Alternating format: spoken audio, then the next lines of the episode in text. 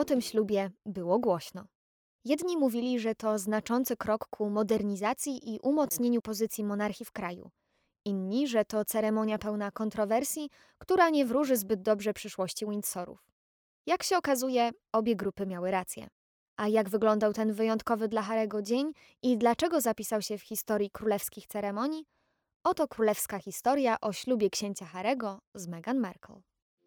Cześć, nazywam się Gabriela Czernecka, a wysłuchacie podcastu Royal Story, czyli Królewska Historia.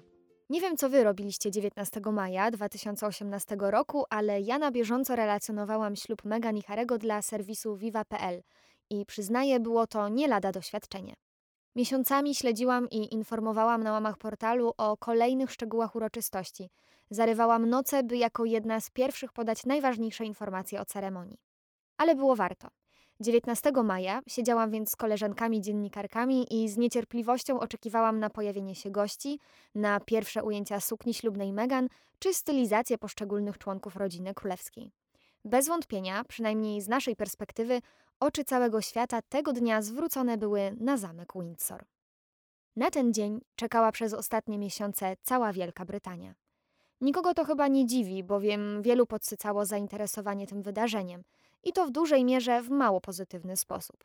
Mowa oczywiście o ojcu Meghan, który już chwilę po zaręczynach córki, chcąc wykorzystać zainteresowanie wokół jej osoby, rozpoczął intensywną kampanię mającą na celu przyniesienie mu rozgłosu. Kiedy cały świat patrzył na przygotowania do ślubu Meghan z księciem, jej ojciec współpracował z fotografem, który uwieczniał jego przygotowania do ślubu córki. Jak się okazało, za pieniądze, a dokładniej za 100 tysięcy dolarów. Swoje zachowanie Thomas Markle usprawiedliwiał chęcią ocieplenia wizerunku, po tym jak do mediów trafiły zdjęcia, na których kupuje alkohol. Szybko okazało się jednak, że to tylko początek jego prób wybicia się na popularności córki. Jakiś czas później Thomas Markle zaczął zdradzać pikantne szczegóły z życia prywatnego córki, co wywołało niemałe kontrowersje na całym świecie. Koniec końców na uroczystość nie dotarł. Oficjalnie z powodu zawału, na skutek którego trafił do jednego z meksykańskich szpitali, w którym przeszedł poważną operację. Ale nieoficjalnie do dziś mówi się, że chciano oszczędzić zarówno Meghan, jak i Windsorom niepotrzebnego skandalu. Zaledwie kilka dni przed ślubem pary poinformowano więc, że pannę młodą do ołtarza poprowadzi książę Karol. Dla Meghan 19 maja zaczął się wyjątkowo wcześnie. O 6 rano była już na nogach. Zjadła śniadanie w towarzystwie mamy, ale zdaniem makijażysty, który pomagał przygotować się jej do ceremonii, emanowała spokojem. Z kolei książę Harry ostatni poranek przed ślubem spędził w towarzystwie brata w hotelu w Coward Park. Gdy młoda para powoli przygotowywała się do wyjścia, kilka minut po dziesiątej ogłoszono, że młodzi po ślubie będą mogli posługiwać się tytułem księcia i księżnej Sussex. I właśnie wtedy ruszyła fala spekulacji i pierwszych plotek. Internauci rozpoczęli zakłady na temat tego, jaką wpadkę Meghan popełni na własnym ślubie. Ale spokojnie, nie była to kwestia złośliwości. W końcu drobne wpadki zdarzają się na każdym ślubie, nawet tym królewskim. Bo nie wiem, czy pamiętacie, ale tuż przed ceremonią zaślubin królowej pękła tiara. Księżna Diana podczas ślubu z księciem Karolem wymieniła jego imiona w złej kolejności, a podczas ślubu Kate i Williama obrączka, którą książę wręczył ukochanej, była za mała. Zanim jednak cały świat mógł podjąć analizę zachowania Meghan, ale i Harego, mieliśmy okazję podejrzeć stylizację gości. Na uroczystości pojawili się m.in. Elton John, Gina Torres, Oprah Winfrey czy Amal i George Clooney'owie. Przypomnę, że gości zaproszonych na ślub księcia Harego i Meghan Markle obowiązywała lista składająca się z siedmiu stron, na której mieli zapisane m.in. to, jak powinni ubrać się na tę uroczystość, czy jakich kolorów unikać. Panowie tego dnia powinni mieć na sobie frak, garnitur bądź mundur, ale taki bez odznaczeń. Z kolei panie miały mieć sukienkę dzienną, taką, która zakrywa kolana, bądź taką sięgającą długości kolan, oraz kapelusz bądź toczek lub fascynator. I o ile panowie zastosowali się do tej zasady i żaden z nich nie złamał królewskiego protokołu, o tyle niektóre z pań odrobinę nagięło obowiązujące zasady. Z krytyką spotkała się choćby stylizacja Victorii Beckham, którą uznano za zbyt żałobną. Za zbyt krótkie kreacje uznano z kolei stylizację żony Idrisa Elby, byłej dziewczyny Harego Chelsea Davy, ale i samej księżniczki Eugenii.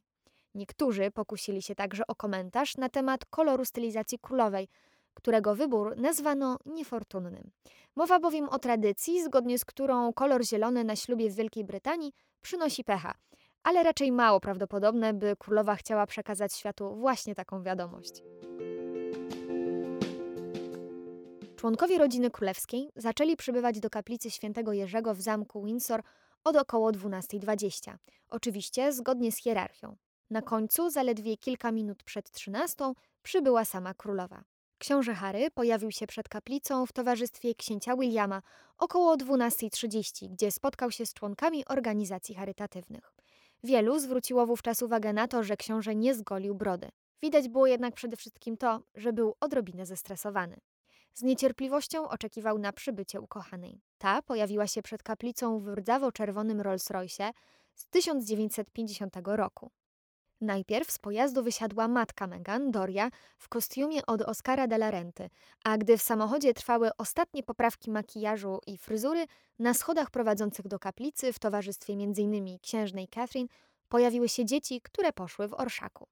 Na przedzie zobaczyliśmy księżniczkę Charlotte, która była pierwszą druchną, oraz księcia George'a, który stał na czele drużbów. W Wielkiej Brytanii ich funkcja nazywa się Bridesmaids oraz Page Boys. Prócz Charlotte widzieliśmy cztery młode damy, chrześniaczki obu państwa młodych. Sześcioletnią Remi oraz siedmioletnią Rylan Lead, trzyletnią Florence Van Kotsen oraz czteroletnią Ivy, córkę Jessica Mulroney, przyjaciółki Meghan, która również miała ważną rolę, tyle że takiej dorosłej druchny. Wśród paziów, oprócz George'a, widzieliśmy sześcioletniego Jaspera Dyera oraz dwóch bliźniaków, synów Jessica, siedmioletnich Johna i Briana. I dopiero wówczas na schodach pojawiła się Megan w prostej, klasycznej sukni ślubnej z białego jedwabiu projektu Claire Wade Keller, dyrektor kreatywnej domu mody Givenchy. Dekolt wódkę, rękawy 3 czwarte i bogato zdobiony, długi na 5 metrów i szeroki na 3 metry welon z wyhaftowanymi motywami ulubionych kwiatów, makiem kalifornijskim i zimnokwiatem, a także emblematami roślinnymi 53 krajów wspólnoty, przeplatanymi kłosami pszenicy, robiły wrażenie. Tren skrywał jeszcze jeden element. Wszyto w niego skrawek niebieskiej sukienki, w której Megan wystąpiła na pierwszej randce z panem młodym. Na głowie księżnej widniała brylantowa tiara w formie opaski, która należała do babki Elżbiety II, królowej Marii. Choć perfekcyjnie uzupełniała stylizację przyszłej księżnej, to jak może część z Was pamięta, nie była jej pierwszym wyborem. Wybranka serca Harego wcześniej zdecydowała się na ozdobę ze szmaragdami, która, jak się okazało, zarezerwowana była dla księżniczki Eugenii. Tiary w rodzinie królewskiej przydzielane są przez samą królową w zgodzie z obowiązującą hierarchią i niżsi członkowie rodziny królewskiej nie mogą nosić tych samych co starszyzna. Ostatecznie więc Meghan odmówiono tiary, którą chciała mieć na głowie w dniu ślubu. Dodam tylko, że całość jej stylizacji dopełniały jedwabne czułenka, oczywiście od Givenchy. W rzeczywistości przyszła księżna nie zaprosiła na ślub nikogo ze strony ojca. W zasadzie spośród jej najbliższych obecna była wyłącznie jej matka. Było to dość dziwne, zważywszy na to, jak wielu zaproszono gości. Do kaplicy Megan wkroczyła sama. Wzdłuż 80-metrowej nawy poprowadził ją już jednak książę Karol. Wyglądasz niesamowicie, tęskniłem za tobą, odparł Harry, gdy tylko spostrzegł ukochaną. Para niemal całą ceremonię trzymała się za ręce i nieustannie wymieniała uśmiechami i spojrzeniami. Jedni twierdzili, że wyglądają naprawdę uroczo, inni, że można sobie okazywać uczucia, ale bez przesady. Ze względu na amerykańskie pochodzenie Meghan, królowa zezwoliła na połączenie religijnych obrządków. Choć samego ślubu udzielił arcybiskup Canterbury, kazanie wygłosił afroamerykański biskup kościoła episkopalnego Michael Carey. Największym zaskoczeniem podczas ceremonii był jednak występ chóru gospel. Wykonanie utworu Stand By Me wywołało niemałe poruszenie nie tylko u zgromadzonych gości, ale w dużej mierze u samych Windsorów.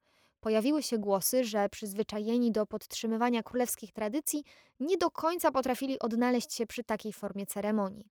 Czy tak było? Nie mi to oceniać, ale bardziej skłaniam się ku temu, że po prostu byli zaskoczeni taką formą ceremonii, co nie znaczy, że im się nie podobała. Końcu królowa miesiąc później zaprosiła chór na przyjęcie w ogrodach pałacu Buckingham. Para młoda przysięgała sobie miłość, wierność i szacunek, nie wspominając nic o posłuszeństwie, którego w 2011 roku nie ślubowała również Kate podczas ślubu z Williamem. Książę Harry po złożeniu przysięgi wypowiedział do ukochanej słowa: Jestem szczęściarzem.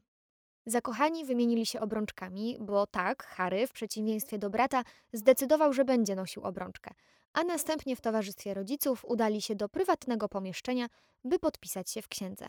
I tu mała ciekawostka. Karol zadbał wówczas o Dorię i podał jej ramię w drodze do tego pomieszczenia, aby poczuła się częścią rodziny. Był to taki mały, ale myślę bardzo życzliwy gest. Po ceremonii para przystanęła u szczytu schodów i zgodnie z tradycją zaprezentowała światu swój pierwszy pocałunek. Po chwili oboje z uśmiechami na twarzy wsiedli do zaprzężonej w konie otwartej karety i udali się na przejażdżkę ulicami Windsoru. Kareta zawiozła nowożeńców pod State Apartments, a goście powoli zaczęli napływać do sali świętego Jerzego. W tym czasie młodzi udali się do zielonego salonu, gdzie fotograf polskiego pochodzenia Aleksi Lubomirski miał dokładnie 25 minut na wykonanie sześciu różnych portretów. W rozmowie z The Evening Standard fotograf wyznał, że otrzymał wcześniej kilka obostrzeń, których musiał przestrzegać podczas sesji. Nie możesz pozwolić, by się całowali, nie możesz pozwolić, by krzyczeli i biegali po ogrodzie i oczywiście musisz uchwycić pierścionek zaręczynowy ale myślę, że to właśnie w tych określonych ramach mogłem wykazać się swoją kreatywnością, mówił w wywiadzie. Fotografowi zależało na tym, by zdjęcia pary spełniały wymogi oficjalnych królewskich zdjęć, ale wciąż wyglądały jak najbardziej naturalnie i myślę, że zdecydowanie udało mu się to uchwycić. Z ciekawostek dodam, że aby wywołać na twarzy najmłodszych modeli uśmiech, wykrzyknął: Kto lubi cukierki? Podobno to samo pytanie zadał, gdy zasiedli przed nim Doria oraz starsi członkowie rodziny królewskiej, Elżbieta II, Filip, Karol i Kamila oraz William i Kate. Podobno jego żart spodobał się samej królowej. Następnie fotograf wykonał kilka zdjęć samej młodej parze w ogrodzie różanym, a po wykonanej sesji udał się do domu swojej matki, by jak najszybciej przejrzeć pliki. Młoda para wróciła zaś do gości. Ślubne przyjęcie rozpoczęła przemowa Harego, którą zaproszeni nagrodzili gromkimi brawami. Tego wieczoru wszyscy raczyli się szampanem, a na stole pojawiły się takie dania jak szkockie langustynki zwinięte w płaty wędzonego łososia czy grillowane szparagi owinięte w kumbryjską szynkę. Gospodynią przyjęcia była sama królowa, ale to William jako drużba Harego zapowiedział toast Karola.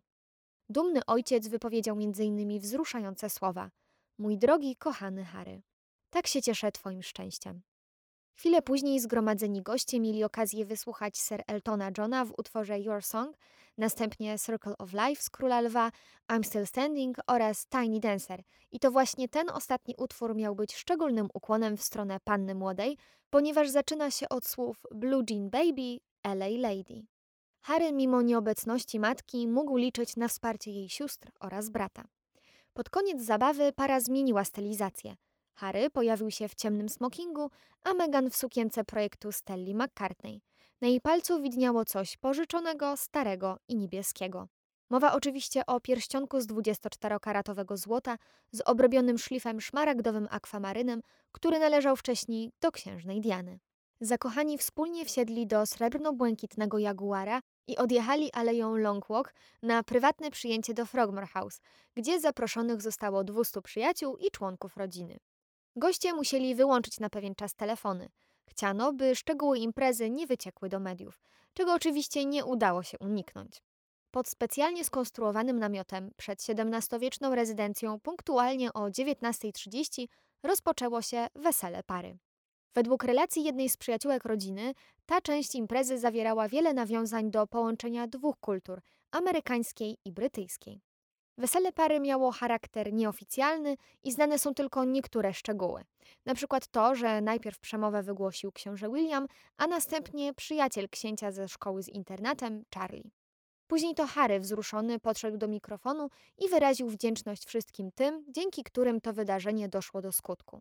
Następnie, według niektórych źródeł, przemówiła Meghan, która podziękowała królowej za to, że tak ciepło przyjęła ją do rodziny, Karolowi za to, że poprowadzi ją do ołtarza, a matce za wsparcie i mądrość.